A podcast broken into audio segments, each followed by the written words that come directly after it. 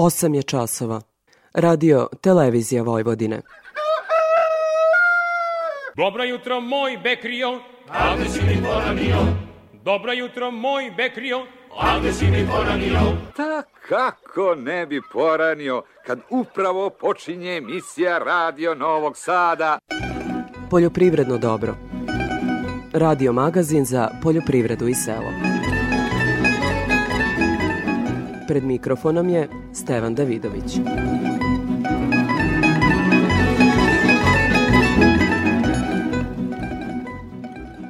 Dobro jutro. Proizvodnja pšenice zbog solidnih cena na tržištu postala je isplativa za ratare.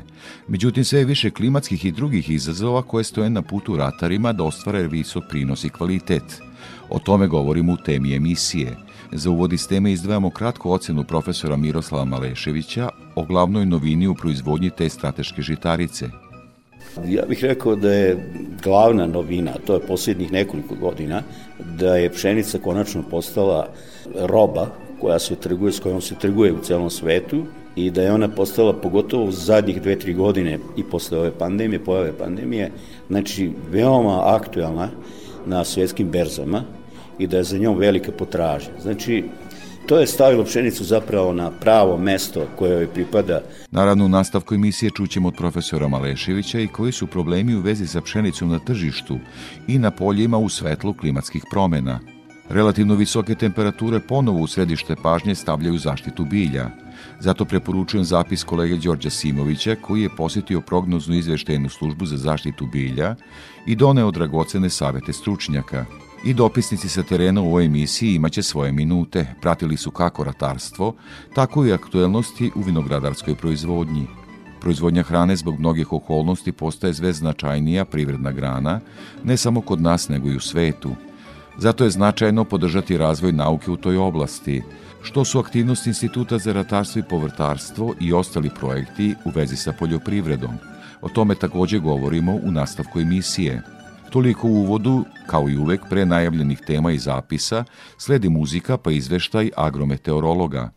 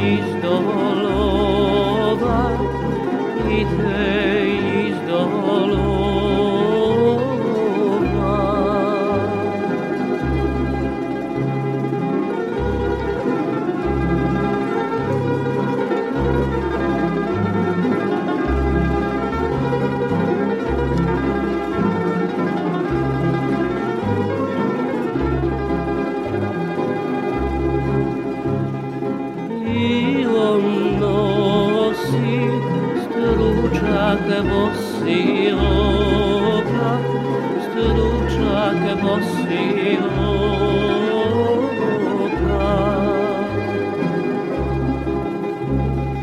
da zakiti svojoj dragoje vrata, svojoj dragoje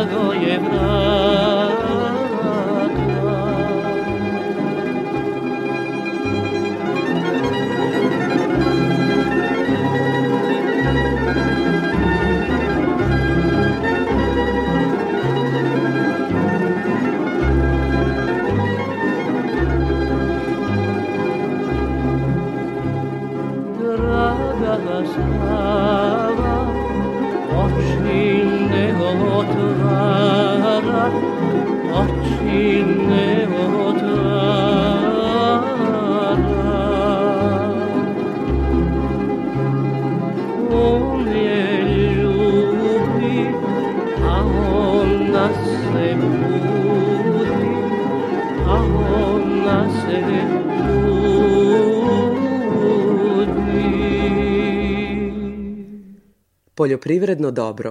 Radio Novi Sad. Kao što smo najavili u uvodu u prvim minutima poljoprivrednog dobra, sledi izveštaj agrometeorologa iz Hidrometeorološkog zavoda Srbije, Ljiljana Đingalašević. Protekla sedmica obeležena je porastom temperatura vazduha i pojavom padavina u prvoj polovini perioda. Minimalne temperature bile su nešto iznad proseka za ovaj period uz pojavu mrazeva na 2 metra visine sa intenzitetima od minus 1 do minus 5 stepeni, a u prizemnom sloju vazduha do minus 7 stepeni. Maksimalne temperature su za 2 do čak 9 stepeni bile iznad višegodišnjeg proseka, pa je u mnogim mestima pred vikend bilo između 10 i 19 stepeni.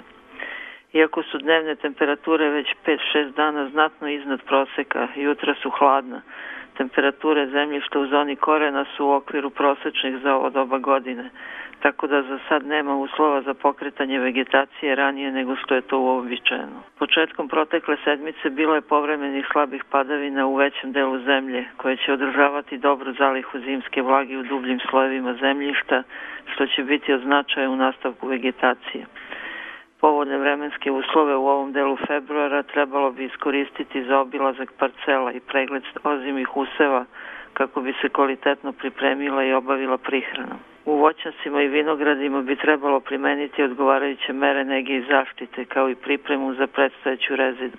Porast temperatura vazduha tokom proteklih dana uslovio je početak aktivnosti insekata štetočina. U usevima uljane repice registrovano je prisustvo i maga male repičine pipe, kao i prisustvo odraslih jedinki velike repičine pipe. Sa porastom temperature očekuje se njihov intenzivni izlazak sa mesta prezimljavanja. Kod voćarskih kultura u zasadima kruške ustanovljen je početak naseljavanja kruškine buve u veoma malom broju. U toku je proces polaganja jaja prezimljujuće generacije. Prema prognozi tokom naredne sedmice na teritoriji Srbije se očekuje umereno oblačno, suvo, stabilno i nadprosečno toplo vreme sa sunčanim intervalima. Samo će početkom sledeće nedelje na jugu zapadu i jugu zapadu Srbije i u Vojvodini uz promenljivu oblačnost ponegde biti uslova za kratkotrajnu kišu ili lokalne pljuskove, a u Košavskom području bi duvao pojačan jugoistočni vetar. Na planinama će doći do intenzivnog topljenja snega. Novo na oblačenje sa kišom prognozira se krajem sledeće nedelje. Za Radio Novi Sad iz Republičkog hidrometeorološkog zavoda Ljiljana Đingalašević.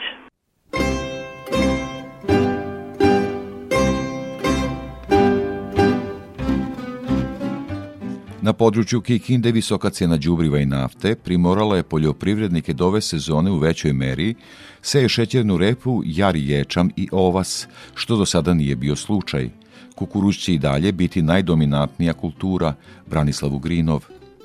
Prolećna setva je na pragu, a poljoprivrednici već sad uveliko planiraju setvenu strukturu, računajući istovremeno cenu koštanja đubriva, nafte i semena. Na severu Banata Pauri će ostati privrženi našoj najdominantnijoj kulturi, odnosno kukuruzu.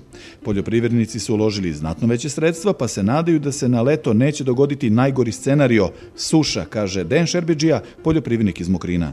U nadi da to ne bude, ja kažem, ono neka bude Bog sa nama, e, pa da nekako to izguramo.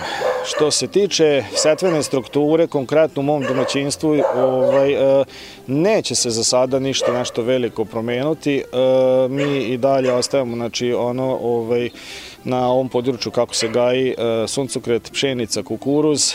Ono što je primetno jeste da je sada mnogo veći broj poljoprivrednika sa područja Kikinda opredelio za setvu šećene repe, jer su šećerane već izašle sa poznatom cenom, što je me ulilo dozu sigurnosti, smatra Damir Radulović, poljoprivrednik iz Novih Kozaraca. Ove godine ponovo ima interesovanje malo, malo, malo većega za šećenu repu. Bukvalno samo smo mi sejali u selu šećernu repu, ove godine već je malo veće interesovanje, pošto je jedina šećerana izašla sa garantarnom cenom za narednu godinu. Ono što je takođe primetno u predsetvenom periodu jeste mnogo veće interesovanje poljoprivrednika za setvu jare pšenice, pivskog ječma i stočnog graška, što do sada nije bio slučaj, podsjeća Robert Nemeš sa Instituta za ratarstvo i povratarstvo u Novom Sadu.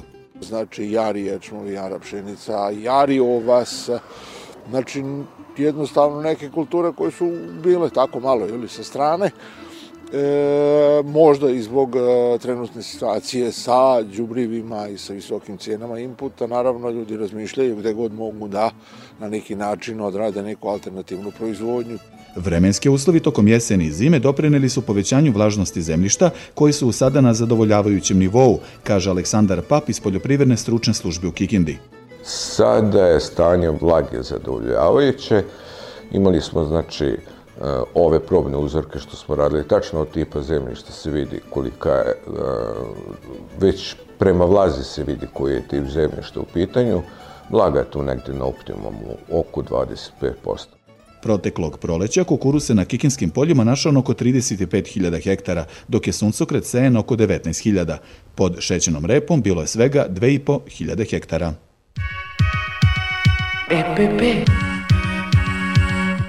pesticidi, đubriva, semena i još oko 2000 artikala za poljoprivredne proizvođače, uz besplatan prevoz, stručne savete i mogućnost kreditiranja. Hemoslavija, Novi Sad, Stevana Sinđelića 17, na putu za veternik. Hemoslavija 021 63 11 666. EPP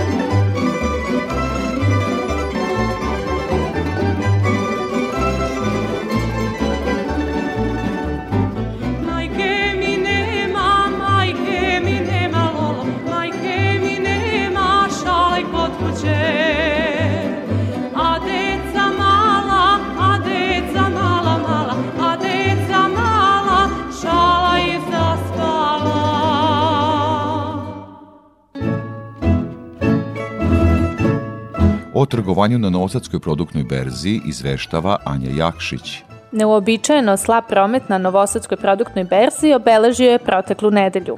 Razlog pre svega vidimo u smanjenoj aktivnosti učesnika na domaćem robno-berzanskom tržištu usled cenovnog spreda između kupaca i prodavaca. Do četvrtka učesnici su bili oprezni u trgovanju zbog izveštaja USDA-a koji je objavljen sredinom protekle nedelje.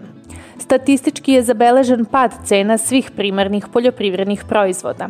Ukupan promet je iznosio 1387 tona robe, čija je finansijska vrednost iznosila 68 miliona 684 194 dinara. Za razliku od prethodne nedelje gde je kukuruz uzeo apsolutni količinski primat u trgovanju, ove nedelje je zabeležena smanjena aktivnost izvoznika i domaćih prerađivača za kupovinom ove žitarice. Berzanski ugovori tokom nedelje na paritetu franko utovareno zaključeni su po ceni od 27 dinara po kilogramu bez PDV-a.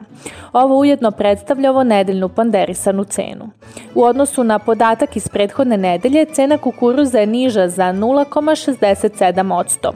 Bez obzira na statistički pad cene, na kraju nedelje možemo konstatovati da je cenovni nivo kukuruza bio bez većih oscilacija.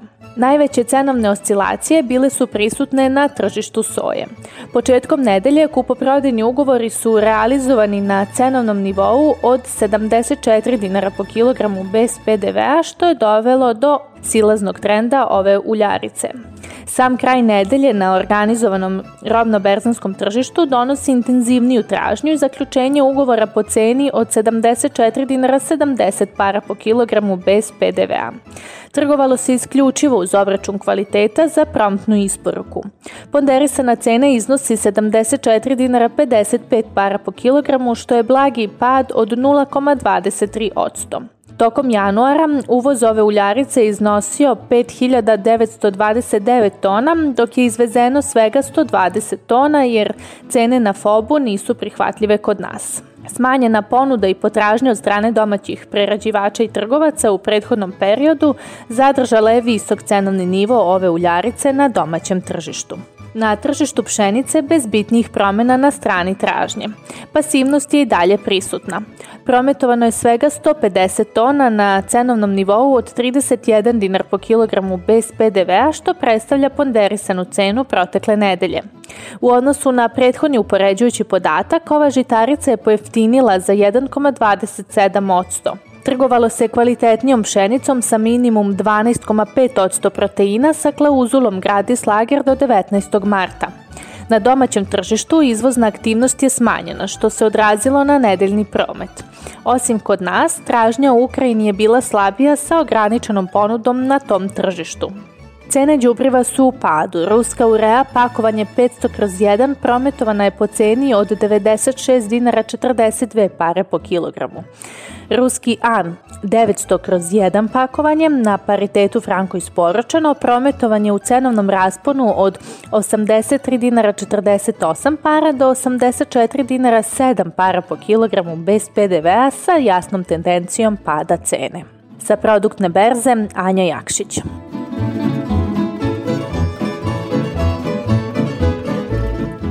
Kao i svake nedelje pratimo izveštaje o cenama sa tržišta žive stoke. Iz Infotim Logistike Gordana Jeličić. U toku ove nedelje naši saradnici su tovne svinje sa farme oglašavali po ceni od 150 do 160 dinara po kilogramu, tovljanike sa mini farme po ceni od 150 do 155 dinara po kilogramu, a tovljanike iz otkupa po ceni od 140 do 145 dinara po kilogramu. Na početku nedelje beležili smo niže cene u pregovorima za farmsku robu, da bi do kraja nedelje bilo naznake da bi pregovori za iduću nedelju mogli biti i na više cene. Ponuda jagnjadi oglašena je po ceni od 350 do 370 dinara po kilogramu, a ovce za klanje su nuđene po ceni od 138 do 145 dinara po kilogramu. Beležimo viši nivo cena u oglasima za jagnjad, zbog smanjene operativnosti robe na terenu. U toku nedelje prasaca farme oglašena su rasponu cena od 240 do 250 dinara po kilogramu, prasaca mini farme po cenama od 230 do 231 dinar po kilogramu, a prasad iz odkupa po ceni od 203 do 220 dinara po kilogramu. Zbog smanjene zainteresovanosti kupaca za nabavku prasadi, uočava se pad cene u pregovorima. Ponude bikova Holstein oglašena je po ceni od 260 do 277 dinara po kilogramu, a bikova simentalaca po ceni od 280 do 295 dinara po kilogramu. Uočava se jači nivo cena u oglasima i veće interesovanje od strane kupaca. Cene su izražene bez PDV-a. Za Radio Novi Sad, Gordana Jeličić iz Infotim Logistike.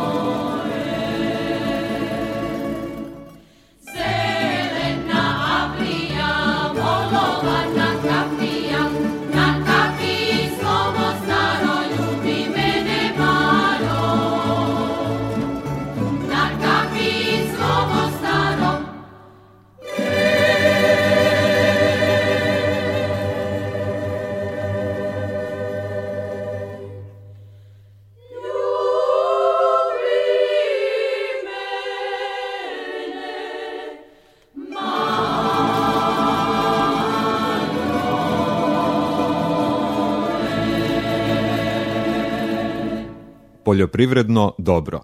Radio Novi Sad. Tema emisije.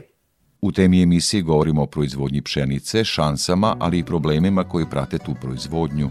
Moj sagovornik je profesor Miroslav Malešević. Kakve su novine kada je u pitanju pšenica? Ja bih rekao da je glavna novina, to je posljednjih nekoliko godina, da je pšenica konačno postala roba koja se trguje, s kojom se trguje u celom svetu i da je ona postala pogotovo u zadnjih dve, tri godine i posle ove pandemije, pojave pandemije, znači veoma aktuelna na svjetskim berzama i da je za njom velika potražnja. Znači, to je stavilo pšenicu zapravo na pravo mesto koje joj pripada i u globalnom e, svetu, a takođe i kod nas. Znači da, je, da dobije ono mesto koje zaista pripada. Jer ipak je to hlebno žito i evo kad smo, svedoci smo tih ovaj, berzanskih poremećaja, a, prvo je počelo naravno od potražnje za pšenicom i za sojom, i naravno i za kukuruzom, i to su bili, to su prehrambeni proizvodi i naravno oni su napravili tenziju na, na tržištu i podigli cene. Ja ove, mislim, iz toga mi, ne znam kakve ćemo mi tu povuke izvući, ali ono što bi trebalo zaista u Srbiji da uradimo, pošto mi spadamo u grupu izvoznika, bi morali sada da, da se ovaj, dobro organizujemo i da naš potencijal za proizvodnje pšenice da iskoristimo na, do, na domaćem i na stranom tržištu i u izvozu i da s kvalitetom, naravno, e, zrna i naravno i količinom zrna, znači budemo stalni učesnici na tom tržištu. Jer mislim, nama toliko pšenice koliko mi zasejavamo svake godine nije potrebno. Znači, barem milion hektara možemo svake godine uzgojiti za neka druga tržišta i sad bi to bilo bi krajnje vreme da se preduzmu neke mere. To nisu nikakve komplikovane mere. Treba da se uredi tržište, da se uredi skladištenje, da se postakne potreb, upotreba deklarisanog semena, da se postakne setva kvalitetnijih sorti i da se prilikom otkupa znači, razdvaja ono što je po svom kvalitetu i da se tako i skladišti. I tako da se to bi bio jedan korak za dve, tri sezone, to se može postići. Tako da mislim da je tu sad, e sad da pojavili su tu i drugi neki problemi vezano za skladištenje, koje ima dosta neuslovnih tih skladišta, poljoprivrednici u očajni grade svako za sebe neko skladište, koje je neuslovno, ovi limeni, ti, sad ja znam to da li je dobro ili nije, e, u svakom slučaju sad se tu rasipa, ta snaga se rasipa i tu država se ne meša, iako je i za Srbiju pšenica jedan od najvažnijih izvoznih artikala. To može da neko osporava ili ne, ali to jeste činjenica. I kukuruz, naravno, to je da ga ne, ne bi preskočili. Profesore, evo sada ste u uvodu spomenuli i domaći kvalitet i, i, i komercijalni aspekt. E, da prećemo na agronomski deo. Dakle, klimatske promene su izvesne. Šta se tu događa? Već živimo u tim promenama možda i desete godina e, sa tako nepredvidivim vremenskim prilikama, bilo da se one javaju tokom jeseni, tokom zime, proleće ili leta. Znači, već to je postalo skoro redovna pojava i mi ne znamo kada će nas zadesiti takvi ekstremi, znači da li je temperatura visoka ili će biti sušni period ili pretredno na kišni period ili neke vremenske nepogode, dakle sad je to zaista postalo nemoguće predvideti, na duži rok pogotovo, može nešto kratko, ali e, znači to je, to je surova stvarnost.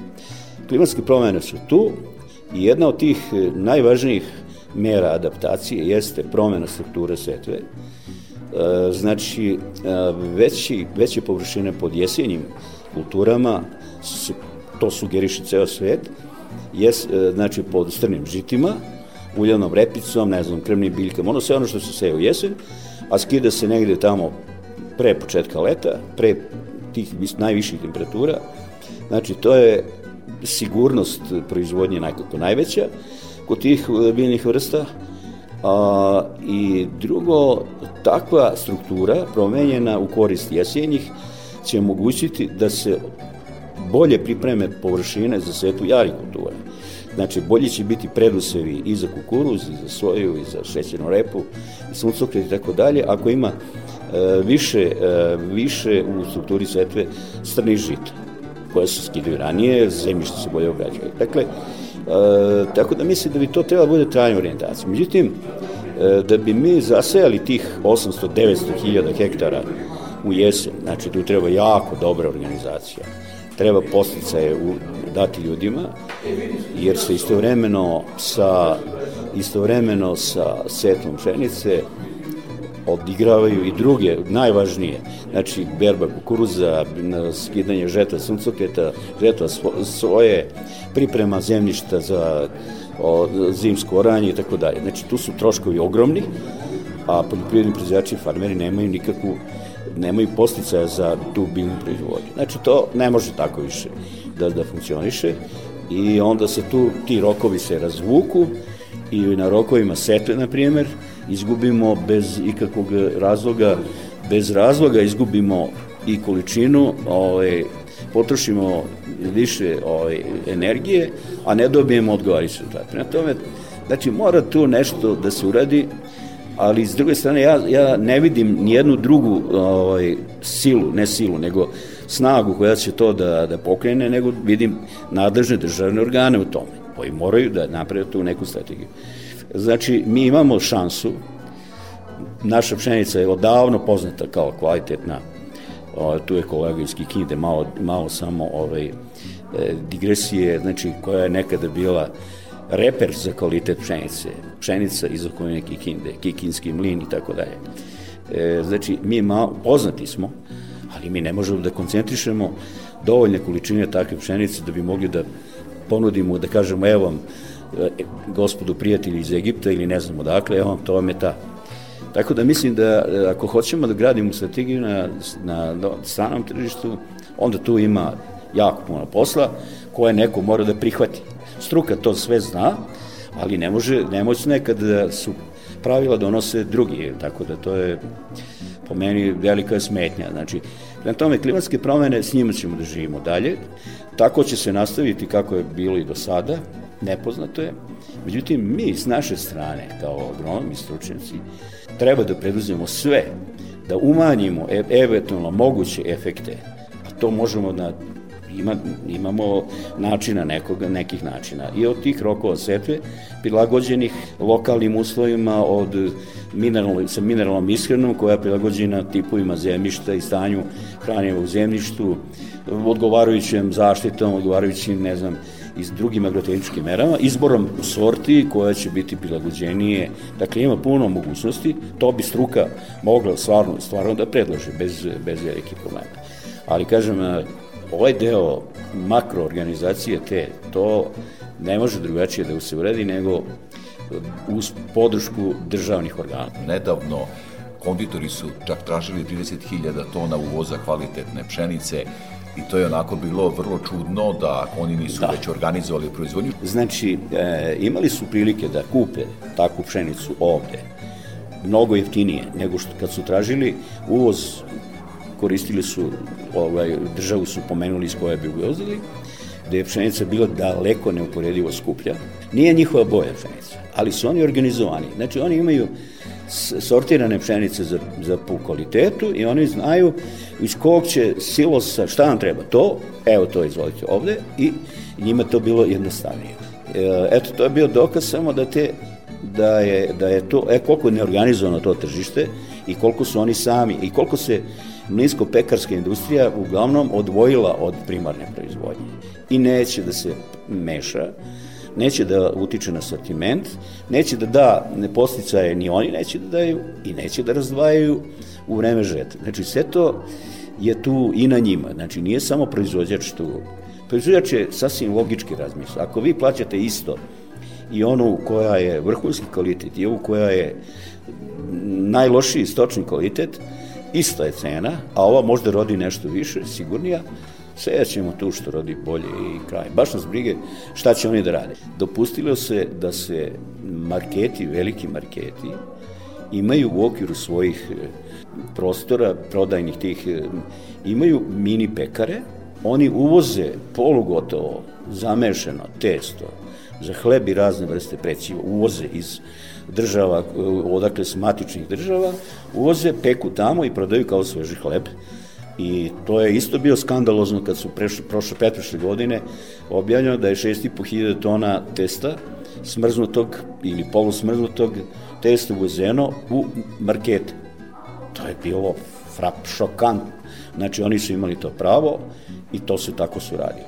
I evo sad na kraju da vam kažem, mi sada, e, sad smo došli u situaciju oko toga mineralnog džubriva, koga nema. Znači, to što ga je skupo, to možemo objasniti, ali što ga nema, e, to je već teže, zato što oni ljudi koji se bave tom trgovinom su isto na neki način privilegovani. I oni su, možda on negde su nabavili neku džubriju, pa će ga plasirati u nekom momentu ovde, ali će cenu neće niko smenjivati, da se mi tu razumemo. To će ostati trajno do možda narednih nekoliko godina. I sad šta je ostalo nama, da, odnosno poljoprivrednim proizvođačima? Znači, vratimo se fundamentalnom fundamentu, ispitujemo zemljište, vidimo koliko je, kako je stanje hraniva, e, poslušajmo savet e, ove stručnjaka, koliko treba, čega.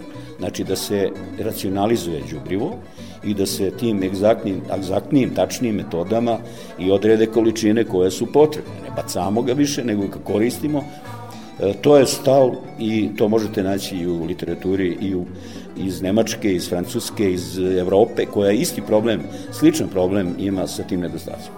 Tako da, eto, mi sad, ja vidim da je ovde sada struka na potezu. Kako sada, kako će se struka ponašati i sorte će se ponašati u novonastaloj situaciji sa manjkom džubrija. Kako će reagovati? Tako da ogledi postoje, iskustvo postoje, vidjet ćemo kako će izgledati. Ja se nadam da ćemo sarađivati pa ćemo pratiti šta se događati. Veliko vam hvala za ovaj razgovor.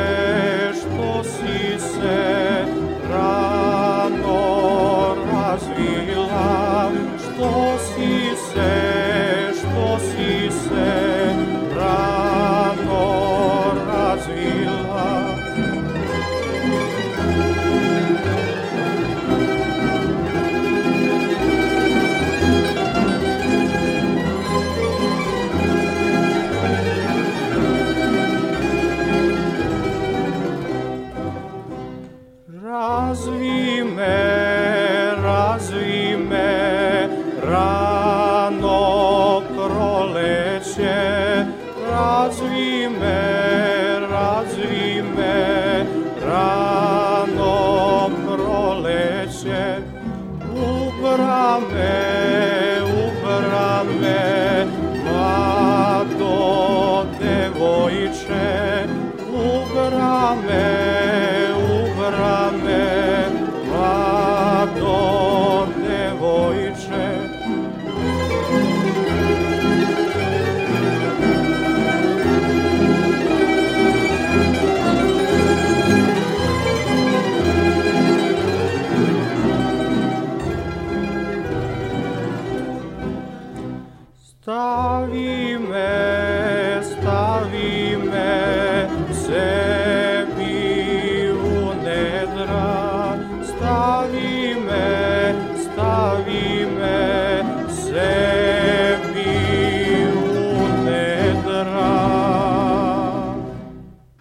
Sa povećanjem dnevne temperature aktuelne zaštite u voćarstvu.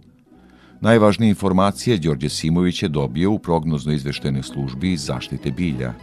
Visoke temperature kada im vreme nije u prvoj polovini februara u najmanju ruku možemo reći da su zabrinule voćare, pre svega one koje imaju koštičavo i rano voće, pre svega kajsiju, breskvu, pa čak i šljivu. Vidjet ćemo šta će u narednom periodu biti kada su temperature u pitanju, međutim ovo samim po svim povlači i pitanje zaštite voćnih vrsta i Tim povodom smo u prognoznoj izvršnoj službi u zaštiti bilja. Sa nama je Milena Marčić, pa da čujemo najaktuelnije informacije u kojoj se fenofazeo rano voće i šta treba uraditi tim povodom. Trenutno je u voćarstvu aktuelna zaštita zasada bresaka i nektarina i zasada krušaka, ali da krenemo evo od bresaka i nektarina. Najraniji sortiment e, poput uh, My Fire, Spring Crest, Spring Time, Rita Star, to su neke dakle najranije sorte, su trenutno u Podunavskom regionu u fazi bubrenja pupoljaka. Zašto kažemo u Podunavskom regionu? Jer to je upravo regija gde uh, najpre kreće vegetacija na području naše zemlje.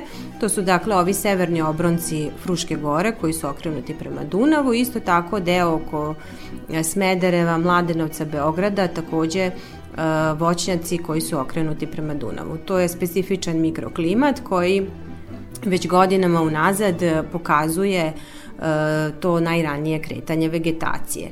I sada treba biti obazriv. U fazi bubrenja i otvaranja pupoljaka, ukoliko nastupi vlažan period, tada može doći do infekcije prouzrokovačem kovrđavosti lista breskve. To je jedno vrlo destruktivno oboljenje za koje naši proizvođači e, moraju da znaju da se samo preventivna zaštita može sprovesti. Nema zaštite nakon pojave simptoma. Dakle, do infekcije dolazi u periodu bubrenja i otvaranja pupoljaka i tada se radi preventivna zaštita. Sada u svim onim zasadima gde naši proizvođači obilaskom e, i pregledom biljaka utvrde bubrenje, otvaranje pupoljaka, tu bi trebalo da primene i hemijske mere zaštite. Ukoliko bubre pupoljci, mogu se primeniti registrovani preparati na bazi bakra, ukoliko već dođe do pojave zelene tačke, tada su to e, već organski e, preparati na bazi dodina, e, zatim na bazi cirama i, ili već neki drugi registrovani fungicidi. Znači, vrlo je važno samo isključivo preventivna zaštita, jer znaju proizvođači kada se pojave kovrčevi listovi tamo negde tokom vegetacije, oni vrlo brzo uh, opadaju, zatim dolazi do retrovegetacije, iznurivanja voćke, dakle jedno kompletno zdravstveno stanje je uh, dosta narušeno i onda je i rodnost za narednu godinu uh, pod velikim znakom pitanja.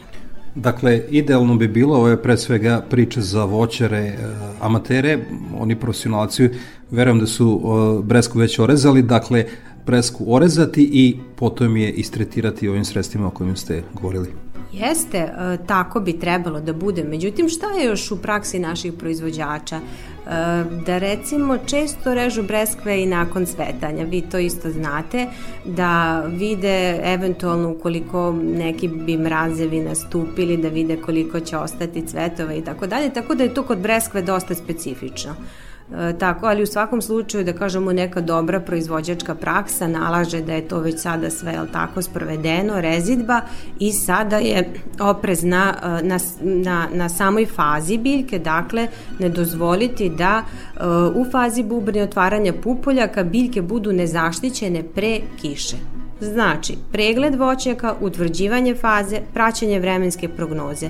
Kada se najave padavine, jedan dan ranije, da imamo dovoljno vremena, da se taj fungicid i osuši, naneti dovoljnu količinu preparata i da kažem pre kiše prođe 4, 5, 6 sati da se taj depozit jel tako osuši, pričvrsti i onda smatramo da je biljka zaštićena i da može da i da te padavine i padnu. Kako je ovo toplo vreme i visoke temperature uticalo na kruškinu buvu? Kruškina buva je da kažemo štetočina u poljoprivredi naše zemlje koja je e, najaktivnija i odnosno najranije se aktivira.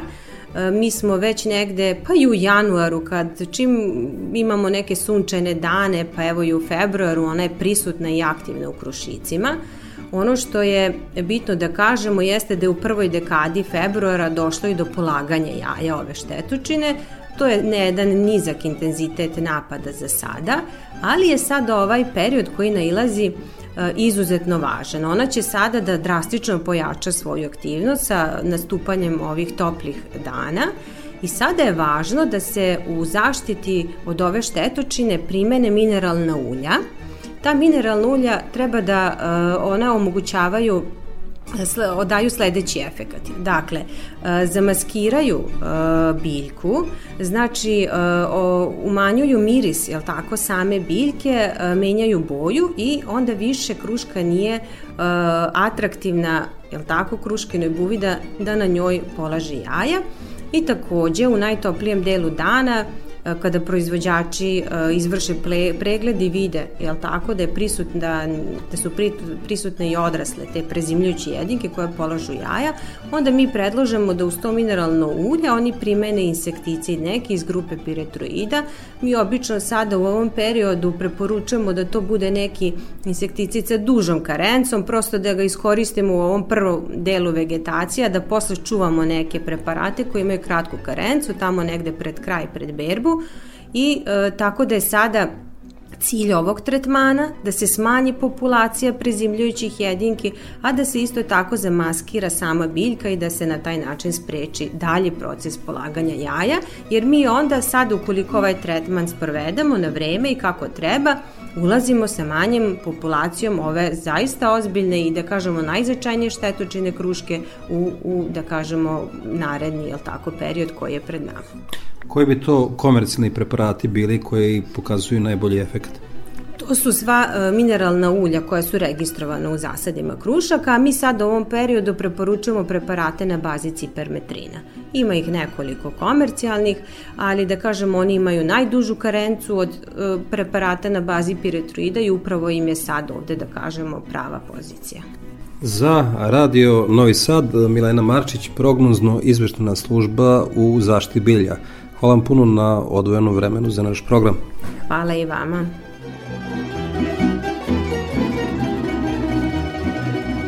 Dobro vino se rađa u vinogradu, a u vinarijama se može samo pokvariti. To je maksima domaćina naše sledeće priče, poznatog subotičkog proizvođača vina Lasla Bonija. Pred Svetog Trifuna posetili smo njegov vinograd, da vidimo u kakvom je stanju loza i čemu da se nadamo od budućeg roda – od koje će nastati vino na čijim buradima i bocama će pisati 2022. Boris Šuman. Pred slavu zaštitnika vinara i gostioničara, vinova loza u regionu Subotice u dobroj kondiciji dočekaće svoje uzgajivače koji će je proveriti pred rezidbu. Inteligentna biljka koja podnosi temperaturu i do minus 20, ima iza sebe blagu zimu bez perioda velikih minusa i gotovo bez perioda snežnog pokrivača. Prvi presek lastara daće ovdašnjim vinarima mnogo razloga za zadovoljstvo. Jedan od njih je i Laslo Boni. Vidimo da je onako, ima lepu zelenkastu boju. Znači to je jedna zdrava boja, da nije došlo do smrzavanja i da, da je živa. I kad pogledamo pupoljke, sad dobro za to bi trebalo neki nož, isto se vidi da je zeleno, znači loza je odlično prezimila, Za sad nema nikakvih posebnih e, problema, ali mi sad možemo samo da kažemo kako je prezimila, a šta će biti do jeseni, naravno to teško predvideti, ali stat je dobar. To je bitno da možemo očekivati neke pozitive i u ovoj godini. Za pokretanje vegetacije potrebno je da spoljašnja temperatura bude u kontinuitetu iznad 10 stepeni. Iako je prošla zima bila blaga, vegetacija je upravo iz tog razloga kasnila mesec dana, zbog čega je period do sazrevanja bio kraći, što je ostavilo posledice, tako da je u Subotičko-Horgoškom vinskom regionu prošla bila prosečna godina u proizvodnji vina. Priroda može da ubrza taj proces, ali ne može za dva meseca, tri meseca nadoknaditi ipak to je tačno da grožđe, hajde da kažem, po kvalitetu e, ne bilo zdravo, tu nije bilo problema, bilo je dosta šećera i kiseline, ali fenološki nije bila zrela. E, to će se kasnije odraziti u vinu, pogotovo kod crnih vina. Bele sorte su još, ajde da kažem, e, kraćeg e, E, sazrevanja manje se primeti kod belih vina, ali kod crnih vina trebalo jako paziti sa maceracijom, sa tehnologijom da dobijemo ipak e, nešto, odnosno da izvučemo maksimum iz toga. Zima je period planiranja i ulaganja. Diboni Svinarija ima novu degustacionu salu koja je prvenstveno posvećena rakijama, ove vinarije i destilerije, urađena u rustičnom stilu sa izloženim medaljama, peharima i priznanjima kao dokaz kvaliteta koji se ovde stvara. Sve u cilju privlačenja vinskih turista, kojih je do pandemije bilo u sve većem broju u regionu Subotice. Za ovakvo ulaganje naš domaćin mora da se osloni prvenstveno na sebe, jer ga u dobijanju državnih podsticaja ograničavaju lokacija pol godine. Slično je i sa potencijalnim sredstvima iz IPARD fondova. Što se tiče IPARD-a, do sada nisam konkurisao, sad nameravam da uzmem neki novi traktor, međutim opet kad gledam te e, kriterijume, pa nema šanse da zadovoljim to što oni traže, tako da ja ne znam ko kreira te e, e, projekte, ali ne odgovara meni. Zbog svega toga Boni se okreće ne samo sebi, već i prirodi. Kako bi proizvodnja bila što više u skladu sa prirodom, podignuti i plastenik u kojem se eksperimentiše sa egzotičnim vrstama i ispituje otpornost pojedinih vrsta vinove loze. Proizvodnja hrane zbog mnogih okolnosti postaje sve značajnija privredna grana, ne samo kod nas nego i u svetu. Zato je značajno podržati razvoj nauke u toj oblasti, što su i aktivnosti Instituta za ratarstvo i povrtarstvo i drugi projekti u vezi sa poljoprivredom. O tome sam razgovarao sa VD direktorkom Fonda za nauku Republike Srbije, Milicom Đurić-Jovičić. Fond za nauku Republike Srbije je mlada institucija koja je osnovana tek 2019. godine, ali sada već kroz pet programa podržavamo projekte i finansiranje nauke iz svih oblasti. Uh, ovaj institut je dobio podršku fonda kroz naš najveći i najprestižniji uh, program ideje i oni upravo sada od januara počinju sa realizacijom svog trogodišnjeg projekta koji će uh, imati značajne rezultate ne samo za razvoj nauke, nego i za samu struku i poljoprivredu i ovu industriju koja je jedan od prioriteta Republike Srbije svakako naša nauka zaista je izložena visokoj konkurenciji sveta. Šta su vam planovi? Naša nauka ima velike potencijale, naši naučnici imaju odlične rezultate već sada, a mi ćemo u narednom periodu kroz nove pozive i konkurse Fonda za nauku davati dodatne prilike da oni e, rade na svojim idejama, da razvijaju nove e, ne samo projekte i nove naučne rezultate, već i proizvode koji mogu da imaju direktnu primjenu u industriji i društvu. Mi smo svakako obezbedili podršku i od Republike Srbije, ali i od Svetske banke i Evropske unije upravo za ovakve projekte koji su kompetitivni e, i ovde u okviru Srbije i srpske nauke, ali koji mogu dati značajni doprinosi na globalnom nivou. Fond za nauku do sada je podržao značajan broj projekata koji imaju direktnu primenu u poljoprivredi. E, ovi rezultati će biti vidljivi tek od leta 2022. Mi e, sa nestrpljenjem očekujemo završetak prvih projekata koji će biti e, u okviru fonda realizovani. To su projekti mladih doktora nauka u okviru programa Promis, gde već sada vidimo neke nove proizvode koji će pomoći poljoprivrednicima da imaju kvalitetnije proizvode uz povećanje bezbednosti, uz zdravije pristupe, nove tehnologije i povećanje efikasnosti, a naravno i smanjenje troškova. E, poljoprivreda se može mnogo e, unaprediti zahvaljujući nauci i tehnologiji. Naši naučnici imaju dosta ideja koje mogu da doprinesu u tom polju. Takođe, naši naučnici imaju e, znanje, iskustvo, a takođe imamo i podršku naših naučnika iz dijaspore koji takođe žele da doprinesu Republici Srbiji, tako da će kroz različite programe fonda biti moguće da se i ovakva vrsta saradnje implementira, a da to sve ima direktan uticaj na poljoprivredu i industriju hrane u Srbiji. Znamo da trenutno nema mnogo poljoprivredne tehnike koja potiče od naših inženjera ovde. Šta je budućnost i koliko će se tu ulagati? Svakako je razvoj tehnike, mehanizacija, robotike, upotreba senzora, budućnost poljoprivrede. Tu postoji mnogo toga što naši inženjeri i naučnici mogu da urede.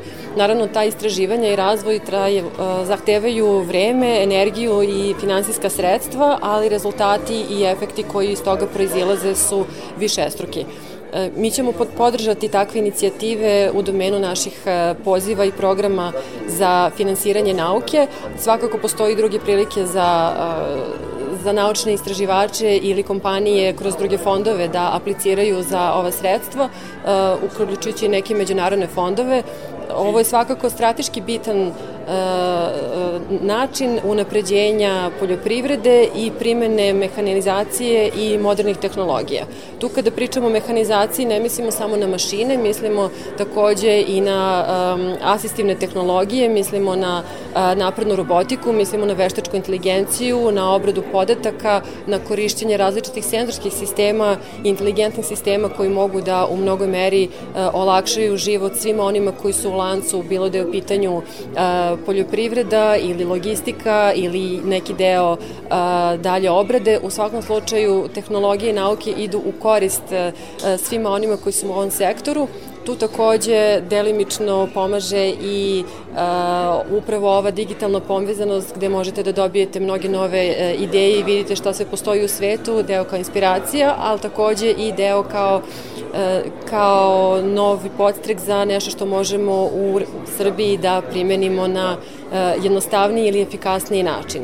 Tu takođe je značajno to što naši ljudi imaju već sjajna iskustva sa različitim implementacijama proizvoda i e, razvojnih nekih projekata koji su bili upravo u ovom domenu već testirani ili zaživjeli na nekim malim ognjednim poljima e, ili u saradnji sa nekim e, proizvođačima i drago mi je što vidimo da sve više novih tehnologija se primenjuje upravo u ovakvim delovima poljoprivrede i u delovima industrije hrane.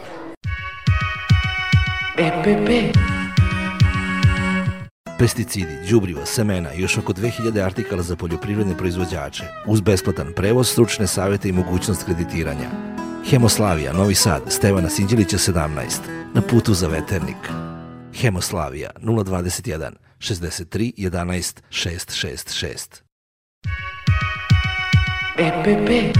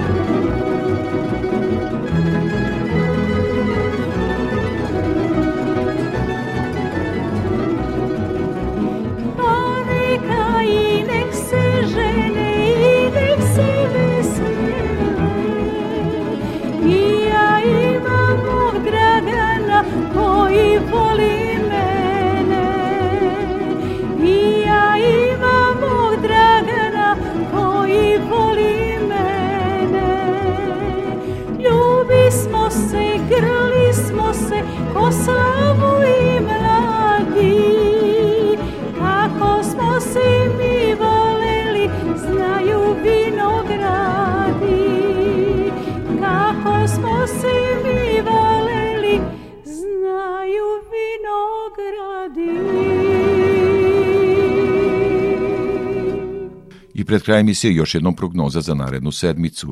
Iz Hidrometeorološkog zavoda Srbije Ljiljana Đingalašević.